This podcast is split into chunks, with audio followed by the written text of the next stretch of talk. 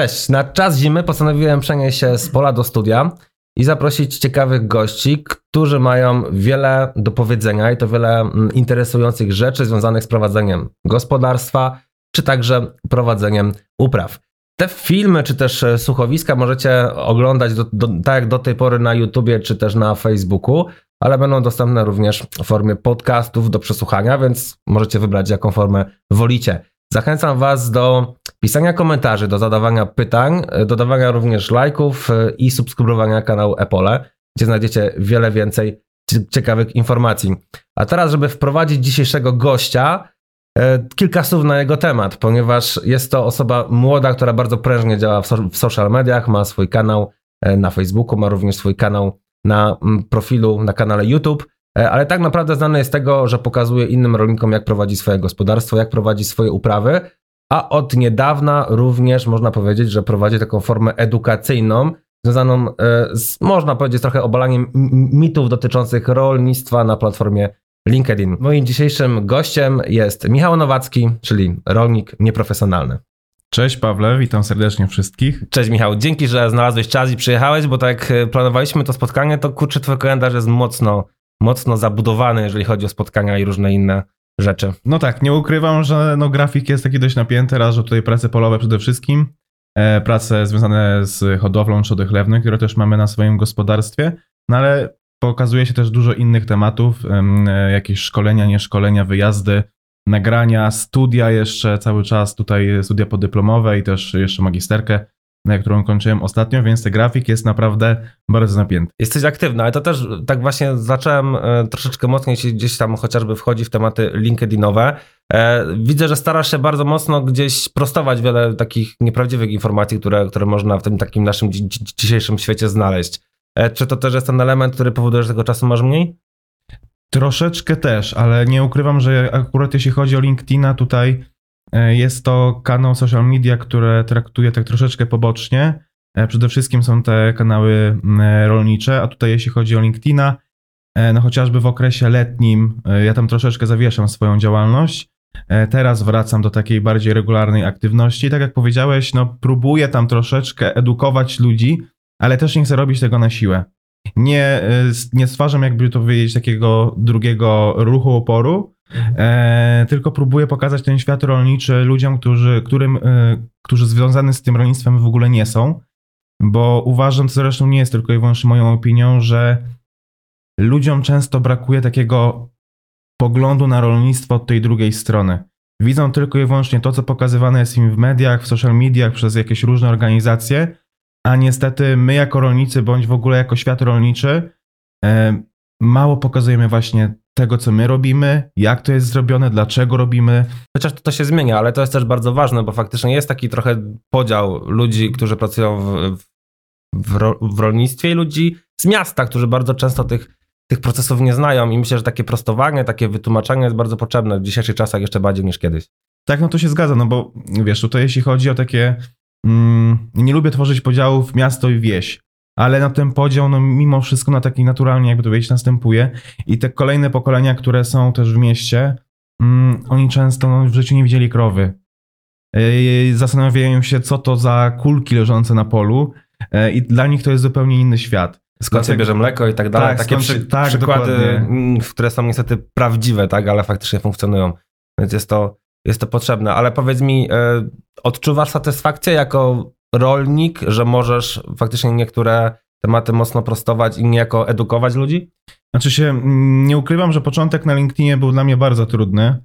E, z tego chociażby względu, że tam trzeba zupełnie innym językiem troszeczkę operować, bo mówiąc do rolników możemy używać pojęć e, takich typowo zawodowych. Bliższych i, nam. Tak, bliższych, mhm. bliższych nam i wiemy, że będziemy zrozumieni.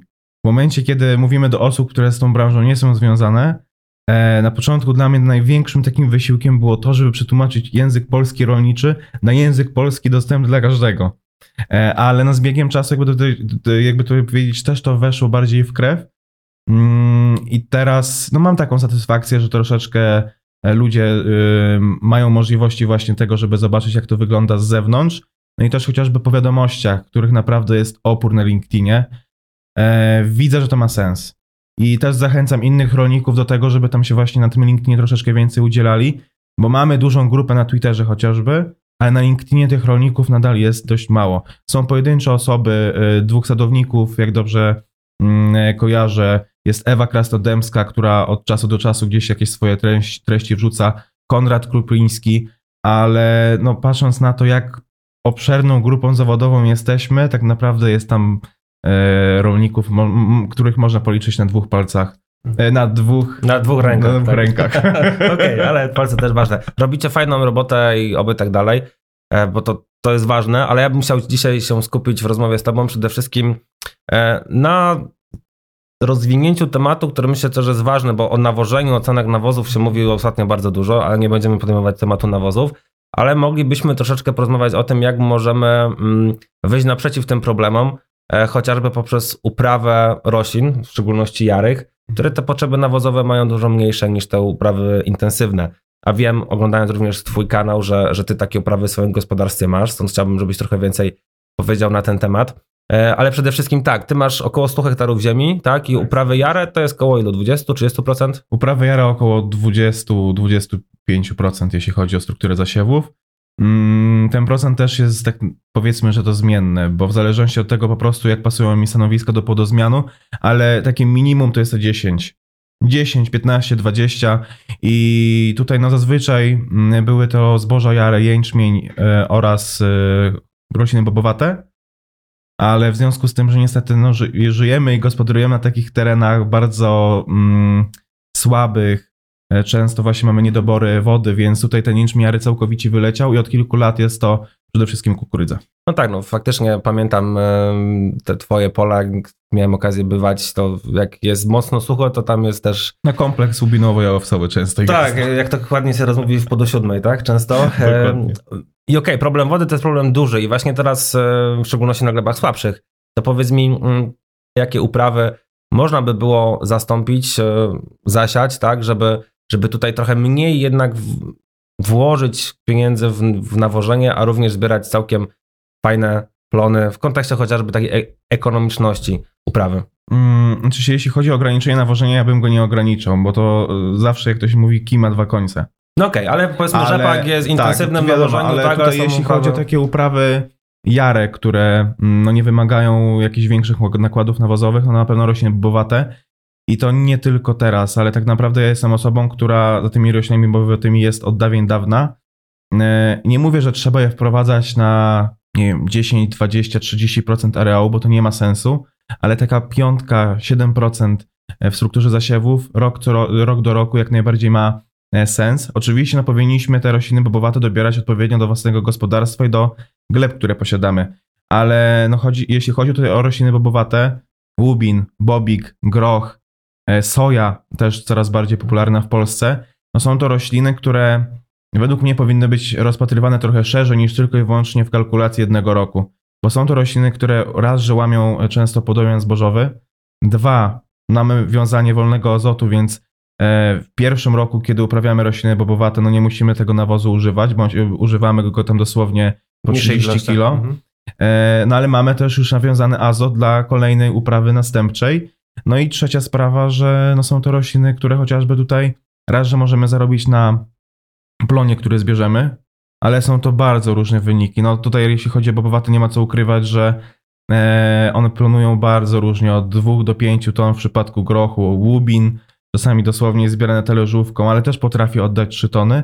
No ale mamy chociażby dodatkową dopłatę do roślin bobowatych, więc te dochody one są tak troszeczkę bardziej rozłożone. Mhm. I tutaj bardziej, jeśli chodzi o taki zysk bobowatych, ja bardziej to rozpatruję względem podozmianowym i pod względem tego, że po prostu te rośliny dają nam taki plus takiego kopa dla ziemi.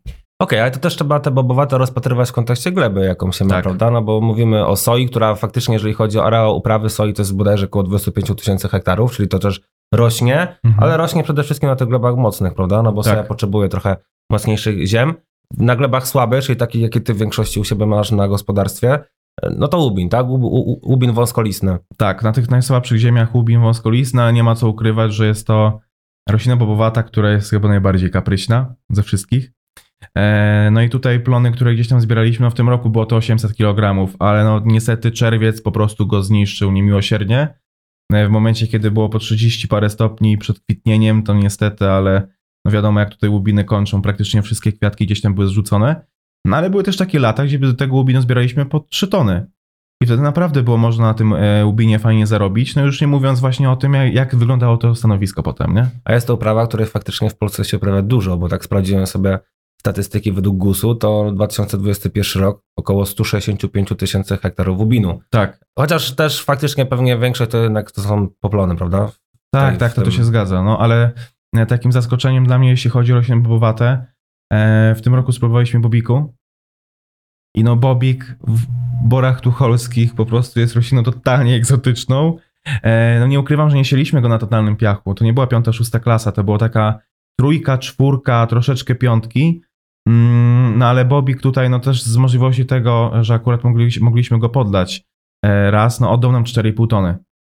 Co jest wynikiem dla mnie rewelacyjnym e, i ani w przypadku bobiku, w przypadku grochu, ani łubinu takiego wyniku nigdy nie mieliśmy. No i ten bobik też przyszłym roku będzie w podozmianie, zobaczymy jak on tam e, obrodzi, ale no też takie moje, jakby to powiedzieć, e, obserwacje, że on może nie potrzebuje aż tak dobrej ziemi, ale potrzebuje przede wszystkim wody.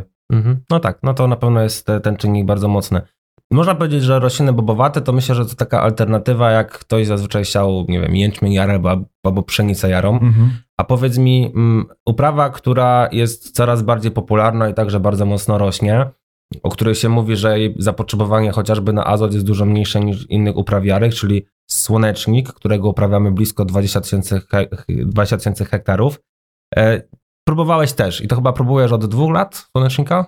Znaczy słonecznik e, na polach, jakby powiedzieć, troszeczkę mm, na większym areale jest od dwóch lat, ale ja ze słonecznikiem mam tak naprawdę do czynienia od lat kilkunastu.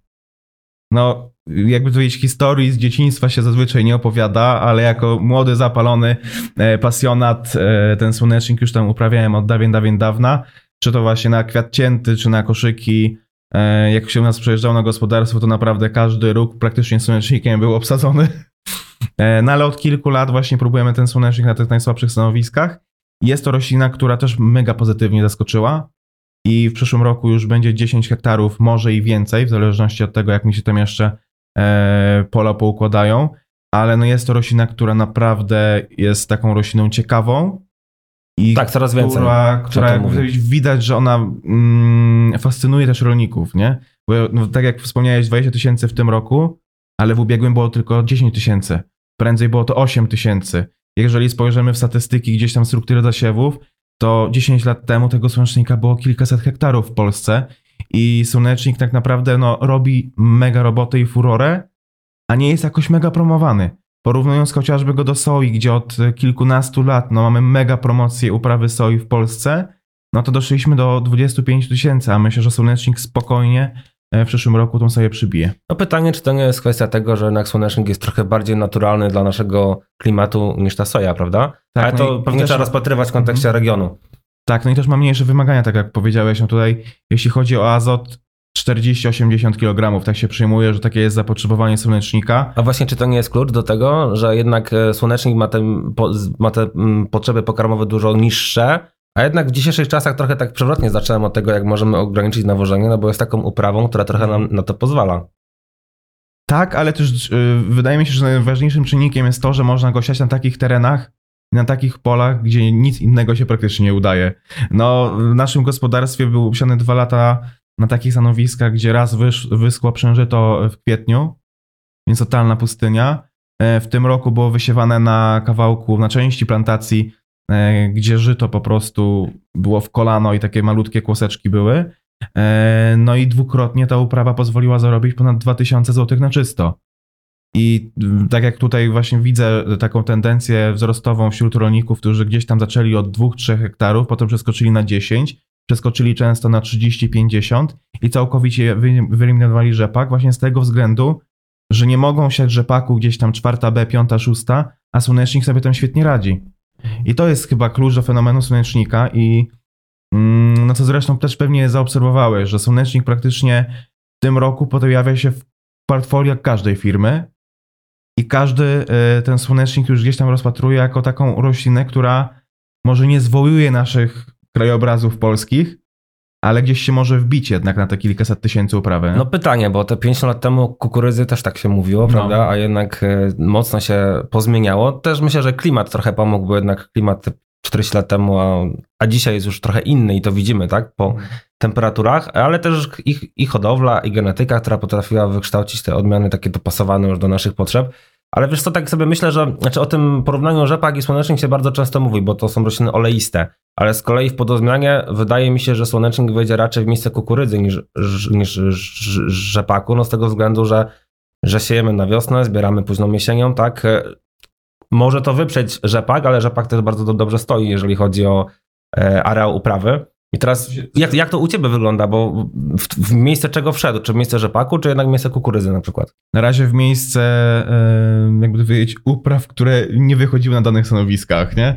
Ale ja planuję po prostu sobie mm, ten słonecznik wprowadzić na połowę gospodarstwa e, z gorszymi ziemiami, gorszymi glebami, a druga e, połowa gospodarstwa będzie z rzepakiem. No z rzepakiem mamy ten problem, że niestety on jest bardzo kapryśny i wymagający pod względem czasu i naszego zaopiekowania się. No bo jeśli chodzi o rzepak, praktycznie mamy go na roku teraz rok. Yy, na polu cały rok. Yy, I no tych wyjazdów tam jest od groma. No praktycznie yy, od sierpnia do lipca cały czas się pojawiamy na tym polu z opryskiwaczem, a to podglądamy, a to wymarznięcia, nie wymarznięcia. Yy, A w przypadku słonecznika często możemy go zamknąć dobrze w czterech zabiegach uprawowych. Uprawić, zasiać, opryskać, zebrać. I to też jest właśnie taki no, pozytywny aspekt tej uprawy, ale jeśli chodzi o słonecznik, on ma szansę wbić nie tylko w miejsce rzepaku czy kukurydzy, ale też chociażby w miejsce tych e, roślin bobowatych na najsłabszych glebach. E, Gdzieś jest to ciekawa opcja na jakieś przesiewy właśnie wiosenne. No, ja mieszkam na takim terenie, no, od, odpukać, że w ostatnich latach wymarznięć nie było, ale jeżeli spojrzymy na całą dekadę bądź dwie, e, jesteśmy takim terenem, gdzie te uprawy o zimę wymarzają najczęściej. I też właśnie jest no, problem tego typu, co siać na tych słabych, lekkich glebach. No bo tak jak wspomnieliśmy, no jęczmienie jary nie wychodzą. Pszenica jara to już w ogóle jest szaleństwo. Mm, siać wszystko kukurydzą troszeczkę słabo, a tutaj słonecznik no ze względu na to, że ma dość niskie koszty, jeśli chodzi w ogóle o uprawę, no może być taką ciekawą alternatywą, żeby się tam gdzieś właśnie w tych przesiewach pojawić. Ale też to zaobserwowaliśmy, mm, bo to jest fenomen, jeśli chodzi w ogóle o wymianę informacji odnośnie słonecznika. Chyba nie było takiej uprawy, ani rzepak, ani zboża, ani właśnie rośliny bobowate, gdzie przepływ informacji między rolnikami jest tak duży. Każdy tej uprawy się uczy i dosłownie, e, no ja teraz mam kontakt, nie wiem, z 15 osobami, które ten słonecznik uprawiają. Już wręcz mamy takie grupy słonecznikarzy, e, gdzie każdy gdzieś tam jakieś swoje obserwacje podsyła. Mm, No ale mówię, ten słonecznik, no, jest ciekawą opcją. Ale to chyba też e, jak gdyby możliwości techniczne umożliwiają to, plus to jest duże zapotrzebowanie na to, że faktycznie no, tą wiedzę łatwo znaleźć. Faktycznie wpisując nawet w, czy to w YouTubie, czy gdzie indziej, to znajdziemy multum filmów właśnie na ten Mhm. temat. E, A powiedz mi, mm, u ciebie w szczególności, bo tak jeszcze jeden aspekt bym chciał poruszyć, e, gdzie masz raczej słabsze gleby, a słonecznik ma gruby, palowy, długi system korzeniowy, to to też jest klucz do tego, żeby tą wodę jednak wyciągnąć głębiej, prawda? No bo na tych słabszych glebach najczęściej mamy do czynienia z tą suszą powierzchniową, czyli właśnie te pierwsze 15 centymetrów. No i, i, i, to pewnie jest też klucz do tego, że tego słonecznika może być więcej tam, gdzie te gleby są słabsze. Tak, no tutaj mm, wiesz, jeszcze dużo, dużo zależy od tego, co mamy w podglebiu. Ja mam to szczęście, że na większości pól, nawet jak jeżeli na wierzchu mam totalny piasek, często gdzieś tam mi się pojawia glina na 50 centymetrach, na metrze. I no ja kilkukrotnie też na swoim kanale poruszyłem tego typu temat taki kontrowersyjny, że czasami lepiej na takich słabych stanowiskach udaje się na przykład rzepak, który ma ten system e, palowy, niż zboża. No bo tak jak wspomniałeś, przychodzi susza, nie ma opadów, no a tutaj zboża mają bardzo płytki system korzeniowy, no i niestety tej wody po prostu im często gęsto brakuje, a rzepak gdzieś tam ciągnie. No i podobnie jest ze słonecznikiem. Słonecznik, e, no porównując chociażby system korzeniowy z kukurydzą, gdzie mieliśmy dwa lata temu na jednym polu właśnie porównanie, no to kukurydza wiadomo, system korzeniowy ma potężny, ale słonecznik miał jeszcze większy. Tych korzeni, ta masa, e, ta bryła korzeniowa po prostu potężna, e, no i ten korzeń palowy gdzieś tam sobie ciągnie jeszcze w dół, nie? Mhm. A jak to jest ze zbytem? Jakbyś porównał słonecznik i na przykład łubin. E, Co teraz łatwiej sprzedać? Szczerze, Tak samo? I, tak samo. Mhm. Kilka lat temu był problem ze słonecznikiem i to też nas troszeczkę ograniczało właśnie z tego względu, że nie było jakiejś możliwości sprzedaży, bo ten słonecznik już od dawien dawna chodził właśnie po głowie, mm, ale skupowały go pojedyncze firmy, tak naprawdę chyba wtedy dwie e, i to były tylko i wyłącznie ilości całosamochodowe. E, Pytając się odnośnie skupu słonecznika, no to każdy się... Słonecznik? O co ci chodzi? O nie? co ci chodzi? E, Ale teraz, e, no chociażby w tym roku, no pięknie, pięknie widać, że nawet takie firmy lokalne na Pomorzu, gdzie ten słonecznik e, no naprawdę wchodzi dopiero od dwóch lat, firmy już skupują ten słonecznik i, i nie ma problemu ze sprzedażą. Tylko to, co mnie martwi właśnie w kontekście słonecznika, czy Ubinu, czy Bobiku, praktycznie wszystkie te płody wyjeżdżają za granicę. Okej, czyli przy, przy, i przetwórstwo, i wykorzystanie, tak? Przetwórstwa u nas jeszcze nie ma. No mówi się dużo o oleju słonecznikowym, ale to faktycznie pewnie jak już jest kupowane, to wyjeżdża do Niemiec i tam jest dopiero pewnie Tak, produkowane. tak, tak, tak, tak, tak. Właśnie Niemcy, Holandia to są takie najczęstsze kierunki, jeśli chodzi o słoneczniki, ale podobnie też mówię, jest z Bobikiem i z Łubinem.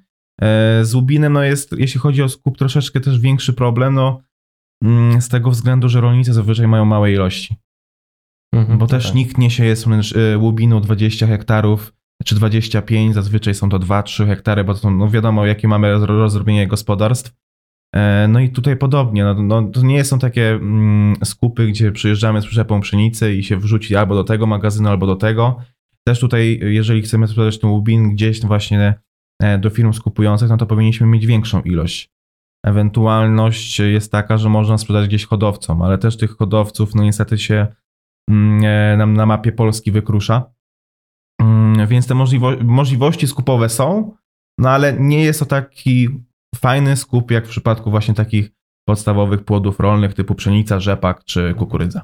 A powiedz mi, jak to wygląda z planowaniem? Bo wiemy, mówi się, że słonecznik planuje tam średnio od półtorej do trzech ton, w zależności pewnie też od tego, jak drog wygląda, od technologii zbioru, bo tutaj możemy mieć duże Mhm. straty. Jak zamknąłeś e, ten sezon pod kątem uprawy słonecznika? Ten sezon e, zebraliśmy 1,64 tony, czyli mało, ale patrząc na to, że rósł on praktycznie na samej szóstej klasie i w do siódmej, e, to i tak jestem mega zadowolony. No i tutaj przy tak niskim relatywnie plonie i tak zarobiliśmy około 2000 na czysto. Bo no jest to taki dziki rok, nie, nie ma co ukrywać, że jeszcze dużo rolników właśnie zrobiło sobie uprawy na niskich kosztach, nazwijmy to normalnymi kosztami, jakie były w ostatnich latach, a sprzedajemy e, płody często po cenach dwukrotnie wyższych. No pszenica już dochodzi do 1450, rzepak 3400. No i tak jak chociażby ten właśnie wspomniany słonecznik e, w ubiegłym roku 1500-1700 zł, teraz już możemy sprzedać go, go po 2700. I tak przyjmuje się, że cena słonecznika to jest około 80% ceny rzepaku. No rzepaku, dokładnie. Więc jeżeli, jeżeli rzepak będzie rósł do góry, słonecznik będzie ciągnął za nim, nie? Mm, No ale y, kalkulacja z roku poprzedniego, zebraliśmy 2,4 tony, zysk wyszedł około 2100 zł bodajże. Mhm. Tam Czyli wiadomo- podobnie. Podobnie, bardzo podobnie. I tutaj ciekawostka, bo sobie zrobiłem już taką kalkulację, bo to jest taki no, gorący temat zresztą e, u każdego, czyli wysokie koszty nawożenia, koszty paliwa, e, wszystko idzie do góry. I sobie e, zrobiłem kalkulację na następny rok, przyjmując średni plon z dwóch lat, czyli dwie tony. Mhm. Dochód rolniczy wychodzi 2200 zł. Bo tutaj no, po, podeszły nam e, pra, praktycznie trzykrotnie koszty nawożenia, ale tak jak wspomnieliśmy, tego nawożenia jest mało. Tak, tak. Ale tutaj co do plonów, no plony takie średnie gdzieś na tych najsłabszych stanowiskach, no to tak jak wspomniałeś, od półtorej tony do dwóch i pół. No ale też zdarzają się plantacje e, na lepszych ziemiach, czwarta B, gdzie plony są rzędu 3200, 3500 i wtedy no ta kalkulacja zupełnie inaczej wygląda, nie? A jeżeli chodzi o nakłady, bo to też jest ważne w tej kalkulacji całej, no w jakiej kwocie się ty zamknąłeś? Wiem też, że bardzo mocno liczysz te nakłady, czyli każde szczegółowe e, właśnie mm, kwestie, które, mm, które, które, które musisz włożyć w tą daną uprawę. Ile to u ciebie było złotych? E, Gdybyśmy przyjęli takie koszty, nazwijmy to widoczne, e, czyli nawożenie, uprawa, zbiór, ochrona, to jest 1500 zł. Ale tak jak wspomniałeś, ja lubię liczyć każdą złotówkę e, i w momencie, kiedy doliczymy ubezpieczenia, e, wapnowanie, które gdzieś tam przychodzi co czwarty rok, e, kiedy doliczymy koszt transportu, doliczymy mm, pracę własną, to kosztów w tym roku wyszło dokładnie 2130 zł. Ale koszty, przychody to jest jedno. Wa- Ważne też jest to, mm, ile my tego plonu potrzebujemy na to, żeby chociażby wyjść na zero. No i w tym roku było to tylko, tylko 800 kg słonecznika. Więc nawet y, w tej sytuacji, gdzie zebraliśmy tą tonę 640, to tak naprawdę mieliśmy połowę plonu tylko i wyłącznie na przychód. No to, to też jest taka dosyć, e, dosyć fajna sytuacja, tak? Tak. I, I taka pozytywna. Ale żeby zamknąć temat słonecznika, to jeszcze tak abyś mógł powiedzieć o nawożeniu. Wiemy, że trzeba dać mniej, tak? Ale jak już dać mniej, to dać ile i czego. E, Jeśli chodzi o azot, no to tak jak wspomnieliśmy, 40-80 kg. E, Fosforu gdzieś tam około 60 kg. Najwięcej e, słonecznik potrzebuje potasu. Przyjmuje się gdzieś tam 140-180 kg. Akurat słonecznik pod względem potasu jest najbardziej wymagający. Tutaj jeśli chodzi o formę nawozu, my dwa lata temu azot dawaliśmy w formie RSM 32. W tym roku tylko i wyłącznie gnojowica świńska i tak też planujemy w roku następnym.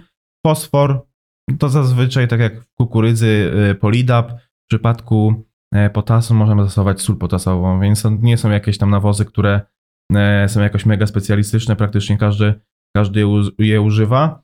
E, Taką kwestią dość sporną jest to, czy mm, słonecznik potrzebuje tego nawozu w podsiewacz, czy nie